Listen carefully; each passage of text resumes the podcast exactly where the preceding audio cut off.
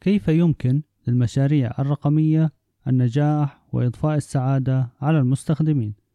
معكم أسامة يونس في الحلقة الثالثة من بودكاست تجربة المستخدم. في بداية الحلقة أشكر وائل الغامدي وعبد الله العيبان على رأيهم واقتراحاتهم حول البودكاست. فائدة تحسين تجربة المستخدم لا تقتصر على زيادة الزوار والمشتركين وتحسين رضا العملاء بل تشمل في أحيان أخرى زيادة الدخل وتقليل التكلفة. هناك قاعدة تقول بأن كل دولار يتم استثماره في تحسين تجربة المستخدم سوف يعود بفائدة قد تصل إلى 100 دولار. بمعنى آخر نسبة الفائدة تبدأ من 100% إلى 9900% وحتى نستطيع قياس الفائدة نحتاج إلى مؤشرات أداء KPIs مختلفة تختلف باختلاف ونوع المشروع.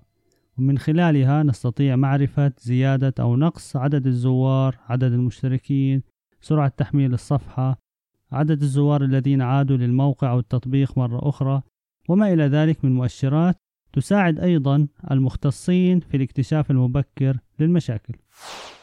في كثير من الأحيان تحتاج الشركات والدوائر الحكومية لخدمة عدد أكبر من المراجعين ولذلك تقوم بزيادة عدد الموظفين وهذا أمر طبيعي. ومثال على ذلك شركة تقوم بخدمة 20 مراجع يوميا من خلال ثلاثة موظفين لإدخال المعاملات. كل موظف ينجز بمعدل سبعة معاملات في اليوم. لخدمة 30 مراجع يوميا احتاجت الشركة لتوظيف موظف رابع. وبعد تحسين تجربة المستخدم للنظام الإلكتروني تم تقليل الوقت المستغرق لإدخال المعاملة الواحدة بحيث أصبح الموظف ينجز عشرة معاملات يوميا بدلا من سبعة. وهذا ساعد على خدمة 30 مراجع من خلال ثلاثة موظفين فقط. وأدى إلى توفير في النفقات أو المصاريف السنوية بمقدار 24 ألف دولار وهي مجموع راتب الموظف الرابع الذي كان يتخاضى 2000 دولار على الأقل شهريا. في بعض الأحيان قد يكون من الأفضل الاستغناء عن الموظفين وتوفير الكثير من المصاريف السنوية. خصوصا عندما يكون دور الموظف هو وسيط فقط بين المراجع والنظام الإلكتروني. ومن ناحية أخرى هذا يساعد في الحفاظ على خصوصية ومعلومات العملاء والمراجعين. ومن أمثلة على ذلك ما فعلته شركة آيكيا حينما استحدثت جهاز لاستخراج بطاقة العائلة.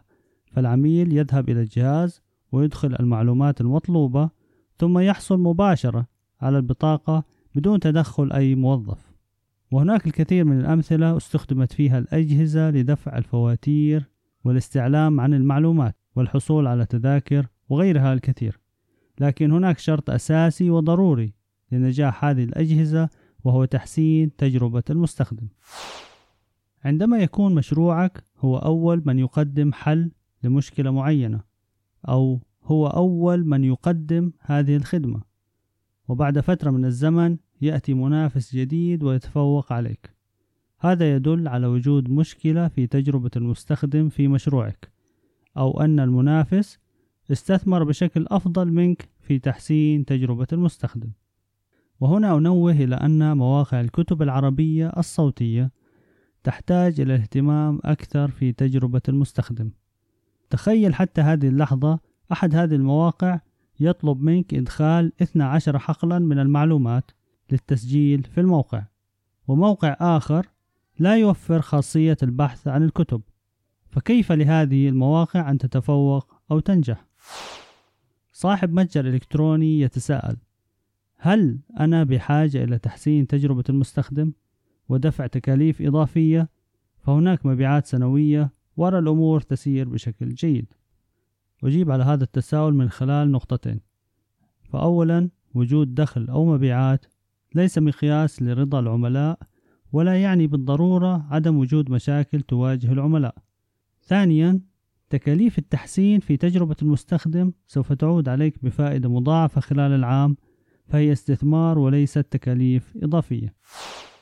وهنا أستشهد بمثال لأحد المتاجر الأمريكية الكبرى. ففي ظاهر الأمر لم يكن هناك مشكلة فالمتجر يعمل وهناك زبائن وهناك مبيعات.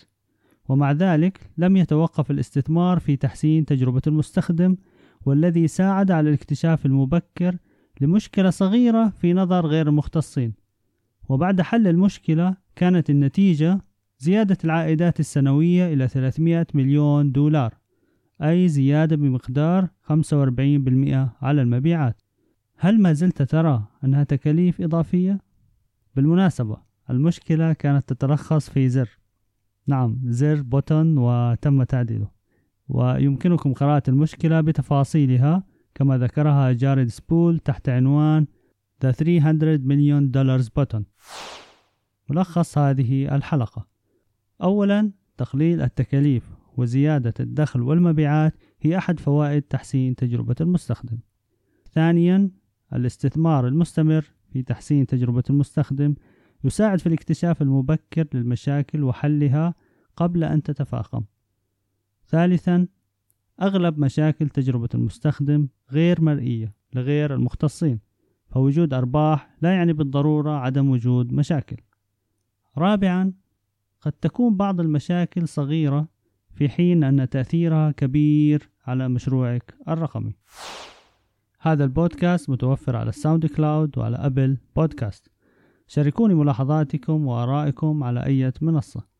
إلى هنا نصل إلى ختام هذه الحلقة. انتظروا المزيد إن شاء الله في الحلقات القادمة. إلى اللقاء.